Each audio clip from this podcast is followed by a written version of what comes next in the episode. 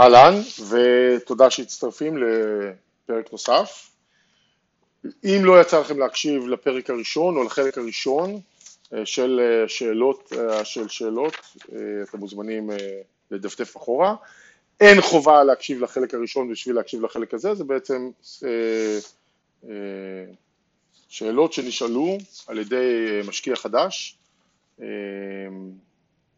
מישראל, הייטקיסט, ששלח סדרה של שאלות, קיבל תשובות ואחרי זה שלח סדרה של שאלות נוספות, אולי שאלות המשך, ובחלק הזה אני הולך בעצם לעשות את הסדרה השנייה של השאלות שהוא שלח, סדרת ההמשך, מזמין אתכם להקשיב לחלק הראשון, לשמוע את החלק הראשון של, ה, של השאלות שהוא שלח. ואני פשוט אה, אה, קופץ או מתחיל עם השאלות. כמה זמן לוקח בערך כל התהליך הזה? תהליך הרכישה של נדל"ן בארצות הברית, נטו נטו, לוקח חודש. נגיש הצעה בראשון לפברואר, ואנחנו יכולים לסגור בראשון למרץ, פחות או יותר. במשך החודש הזה נעשה בדיקה על הבית, אה, נטפל במה שנקרא inspection, אם יהיו שאלות, בעיקר אה, עובר פה זמן על ה inspection, ובעיקר לוקח פה זמן להכין את המסמכים ובעצם את הבית ל, לרכישה. זאת אומרת, נטו לוקח חודש לקנות בית, פלוס מינוס. אפשר גם לקצר את זה לשלושה שבועות, אפשר גם טיפה למשוך את זה אם צריך, אבל זה בשביל להבין. הרכישה עצמה מהרגע שמישהו חושב על להשקיע, יכולה לקחת כמה חודשים טובים ויותר. מה בעצם ההבדל? ההבדל הגדול הוא, ההבדל הגדול הוא בעצם ברמה האישית של כל אחד ואחת מאיתנו. כמה מהר, כמה, בעצם כמה תשומת לב או כמה נתעדף את נושא של הרכישה בסדר יום העמוס שלנו גם ככה וגם ככה. יש משקיעים שמגיעים והם מוכנים ובשלים וגם עם העזרה שלנו זה רק עוזר עוד יותר להיות מבושל ומוכן לבצע את ההשקעה ובאמת הם יצאו לדרך בצורה אה, אה, יותר, נקרא לזה, עם תשומת לב גבוהה יותר ומחויבות גבוהה יותר לתהליך. וסביר להניח שמשקיעים מהסוג הזה אה, יקנו יותר, ייכנסו יותר מהר לחוזה, לעסקה ויסגרו. ולכן זה בטח ייקח, יכול לקחת בין חודשיים לשלושה כשהכל זז יחסית מהר ויש מחויבות אישית גבוהה. יש קבוצה אחרת של משקיעים, ואני לא מאשים אף אחד, זה פשוט המציאות. שחוששים, מפלס החשש הוא גבוה יותר, ולכן רק לחתום על מסמך הצעה למרות שזה עוד, יש לנו עוד הזדמנות לצאת מהעסקה אם הבית לא בסדר או לבטל, גורמת להם המון מתח, המון חשש, המון, יש חסר ביטחון, והתהליך הזה של רק להגיש הצעה יכול לקחת שניים, שלושה, ארבעה, חמישה חודשים ואפילו יותר. זה מאוד שאלה אישית והיא בעיניי חוזרת לנקודה אחת, מחויבות אישית לתהליך. זה תהליך, צריך להסתכל על נכסים, צריך לתקשר עם האנשים, צריך להגיש הצעות, צריך לשאול שאלות בשביל לבנות את הביטחון ואז להגיש את ההצעה. אם אין את המחויבות, זה לא יקרה. אם המחויבות היא תוך כדי הקמת סטארט-אפ וארבעה ילדים, וגם ככה אנחנו, אה, יש לנו עבודה במשרה מלאה במקביל לסטארט-אפ, פשוט לא יישאר זמן ל, ל, ל, לקנות נכסים, וזה לא יקרה, זה לא יצא. אני רק אגיד שעם כל הניסיון שאני מביא, וכל הידע, וכל העזרה, וכל התמיכה, דבר אחד אני לא יכול לייצר, את ה... לגרום למישהו לחתום על הצעה, לגרום למישהו לייצר את המחויבות האישית, זה פשוט לא יקרה, זה צריך לבוא מכל אחד ואחד שרוצים להשקיע. אני כן יכול להגיד שאחרי באמת הרבה מאוד שנים שאני עושה את זה, אחד הדברים שאני רואה שקורים, בעיקר עם המשקיעים שהם קצת יותר חוששים או מפחדים, וזה בסדר גמור, זה טבעי, זה להעביר מהביטחון שלי לביטחון של אותו בן אדם, לתת לו את, לתת לו או לה את, ה, את הביטחון שהם עושים את הדבר הנכון. דרך אגב, בהנחה שאנחנו עושים את הדבר הנכון. כי משקיעים שלי שפנו אליי ולדעתי העסקה לא הייתה טובה, או לא משקיעים שלי שגם פנו אליי עם עסקאות שלא קשורות אלינו ולדעתי הייתה עסקה לא טובה, אני אמרתי את דעתי, כששאלו אותי את דעתי, אמרתי את דעתי. אני לא מתערב לאף אחד בעסקאות שהוא עושה, אבל אם ישאלו את דעתי, אני אגיד את דעתי. כי אני רוצה שלפחות המשקיעים שלי יהיו מרוצים, אני רוצה שיצליחו. אם יצליחו, זה יוביל לשני דברים שתמיד קורים. אחד, הם יקנו עוד, שתיים, הם יספרו לחברים כמה מעולה לנו כחברה אם השיווק הוא מפה לאוזן, שזה קורה אצלנו הרבה ואני שמח שזה קורה הרבה וזה כיף לראות, כיף לשמוע אה, אה, ובהחלט אני חייב לציין, גם אפילו מרגש כל פעם מחדש, אני לא לוקח את זה כמובן מאליו. זאת אומרת, המשך שזה ייקח מאוד מאוד אה, קשור לבן אדם שרוצה להשקיע, למחויבות האישית שלו והמחויבות האישית ולזמן שהוא מוכן להשקיע. לא צריך המון זמן בשביל זה, אבל גם את השעה פה, חצי שעה שם, במהלך שפזורות על פני שבוע עבודה אה, אה, ככה, מפוזרות על פני שבוע עבודה בצורה כזו או אחרת, אם לא שמים את זה, זה פשוט לא יקרה. כמה זמן ביומיום זה לוקח אחרי שקניתי את הנכס? ובכן, זה מאוד תלוי בסוג ההשקעה. בסוג נכסים שאנחנו מתעסקים בו, זה לוקח בין חצי שעה לשעה בממוצע לחודש. אני מדבר אחרי שהנכס נרכש, זה לוקח בין חצי שעה לשעה בחודש. מה זה אומר? פה, פה קודם כל יש חודשים שאין שום דבר, לא שומעים, לא מדברים, הבית מושכר, לא קרה כלום. פה יש איזה קלקול, ה property manager רוצה את האישור שלנו או מדווח, פה הדייר הודיע שהוא עוזב, פה צריך להכין את הבית, פה יש מיסים, זה הדברים, או, או, או, או לפעמים צריך להיות ככה פרואקטיביים כשבית עומד ריק לוודא שה property manager עושה את כל מה שצריך, זה הרעש במערכת, בעיקר להיות במקום של, נקרא לזה אה, אה, השגחה, לא צריך לעשות micro management ל property manager, בהנחה שבחרנו אותם בצורה נכונה, צריך אבל לוודא שהכל מתבצע ומה שנקרא follow up אה, על ה-property manager, כי יש סוגיות כאלו ואחרות, אני יכול לתת דוגמה מהיום, יש לי אה, בית בטמפה, אחד מהבתים שלי בטמפה, ה-property manager הודיע לי לפני יומיים שלושה, שהדיירת שהיא כבר נמצאת שם איזה שנתיים וחצי, החוזה שלה אמור להסתיים בסוף מרץ, והיא מתכננת לעזוב, היא קנתה בית, והיא ביקשה שיכול להיות שהיא תצטרך להאריך בחודש כי הבית עוד לא מוכן או משהו כזה, אני לא יודע בדיוק את כל הפרטים, ואני היום דיברתי עם המנהלת נכס, וידאנו שאנחנו מסונכנים על מה שהולך לקרות, מה התוכניות הלאה, למכור, וכדומה, סגרנו קצוות, בבקשה, וסגרנו מה צריך לעשות מפה והלאה, וזה רק דוגמה קלאסית לסוג הדברים האלו. דוגמה נוספת, לפני חודש אה, גיליתי שאחד מהדיירים שלי אה, באינדיאנפוליס אה, מחנה את המכוניות בדשא האחורי של הבית, שזה לא דשא מפואר ולא השקענו שם, הרבה, לא השקענו שם כסף בכלל, יש דשא טבעי, אבל בכל זאת זה הרס.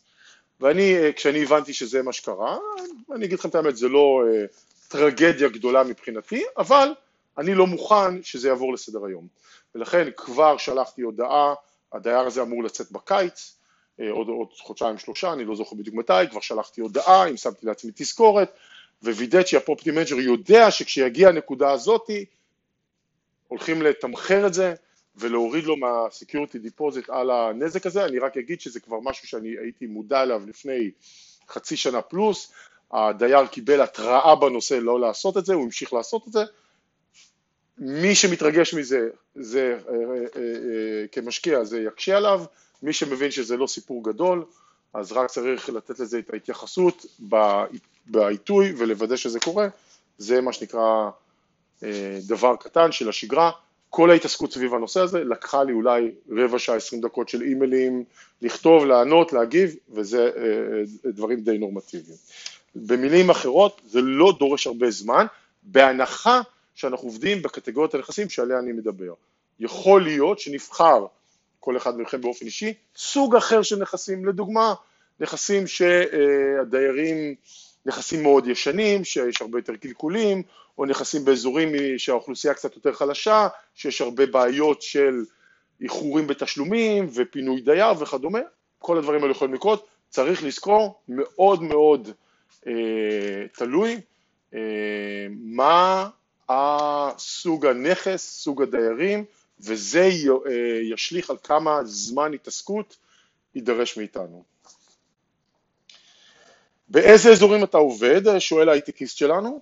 ובכן היום, מדברים על ינואר-פברואר 2020, אנחנו בעיקר פעילים ב, ב, באזורים של, אני מדבר על המטרו, לא מדבר על העיר עצמה, אלא האזור, המטרו של קנזס סיטי, נשוויל, יוסטון ודאלאס, זה האזורים הפעילים.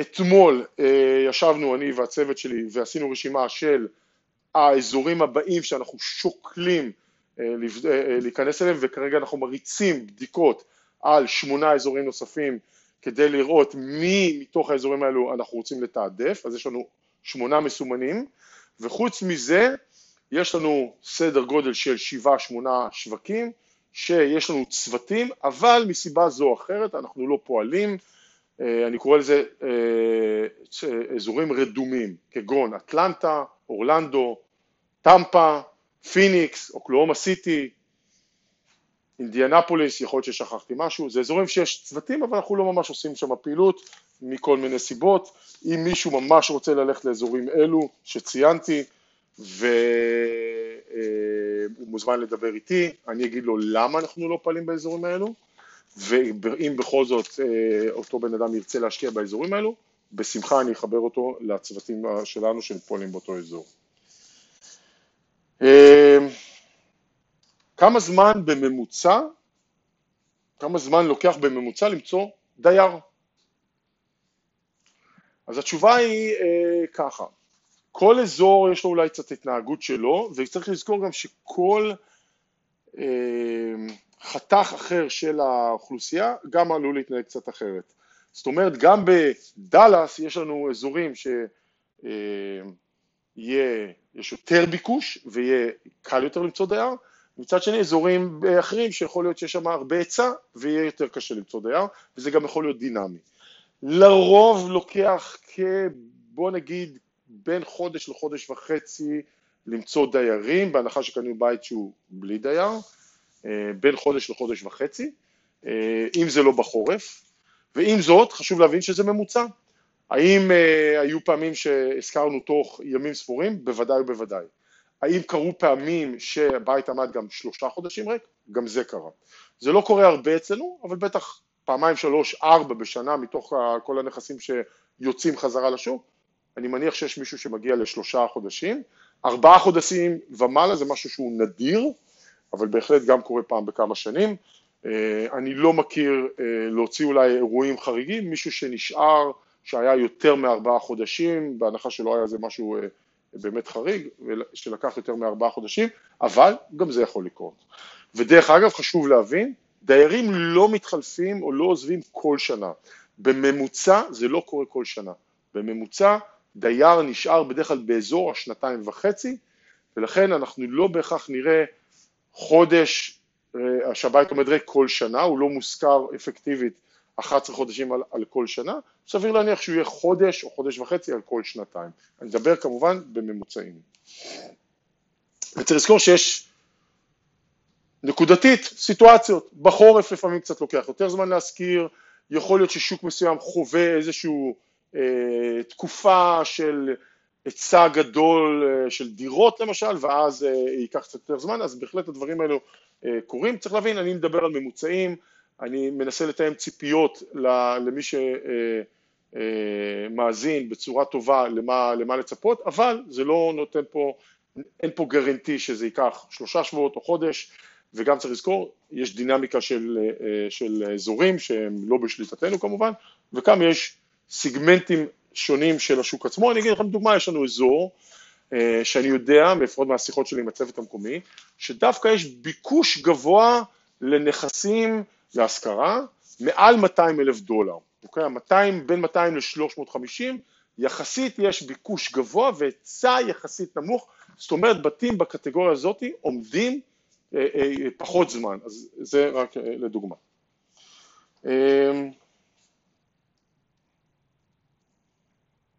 איזה עלויות יש לנו אה, בתור, איזה עלויות אני, אה, אה, יש לי בתור בעל נכס, אז בארצות הברית בעל הנכס אחראי לביטוח, למיסי נכס, property taxes, שזה מאוד דומה לארנונה, זה לא 100% דומה, אבל זה מאוד דומה לארנונה, זה לא באחריות הדייר, זה באחריות בעל הנכס.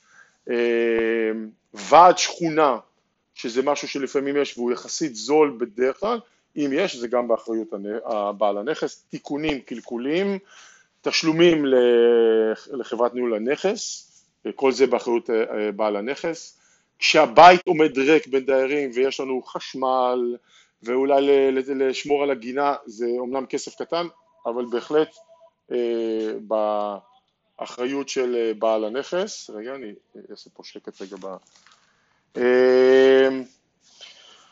קלקולים, תיקונים, השבחה, שיפורים, מהדברים האלו, אני חושב שכיסינו הכל, ביטוח, מיסי נכס, נראה לי שכיסינו הכל. אז זה הדברים שבאחריות בעל הנכס. הדייר משלם שכר דירה, הדייר ישלם על מה שנקרא ברגע שהוא מזכיר, בדרך כלל, בהנחה שאין לנו איזה מקרה חריג, על החשמל, מים וכדומה. בדרך כלל דיירים לוקחים עליהם את הנושא של השמירה על הגינה, קיצוץ הדשא וכדומה, לא חייב אבל בדרך כלל. כמה עולים הנכסים שלכם, שאתם, אה, הנכסים שאתם עוסקים בהם, כמה בערך הם עולים? אז הייתי אומר שאנחנו, רוב הנכסים שאנחנו אה, עוסקים בהם אה, הם בין 100 אלף דולר ל-250 אלף דולר, פחות או יותר, הייתי אפילו אומר שרובם נמצאים בין 120 ל-220 אלף דולר פחות או יותר, אנחנו, אני מדבר על בתים צמודי קרקע, בשכונות טובות, לא חייב שזה שכונות יוקרה, הייתי אומר בהקבלה לישראל זה בעיקר הרצליה, מסוג ההרצליה, אה, הכפר סבא, פתח תקווה, ראשון, כאלו אזורים פחות או יותר הייתי אומר, אנחנו לא בהרצליה פיתוח ואנחנו לא ברמת שרון ואנחנו לא בשכונות יוקרה מה, מהבחינות האלה, אנחנו גם לא בשכונות של אה, מה שנקרא דרום תל אביב או, או שכונות, אה, מה שנקרא שכונות קצת יותר קשות באזורים שונים. אז זה בהחלט האזורים שלהם אנחנו מתעסקים והרמת מחירים.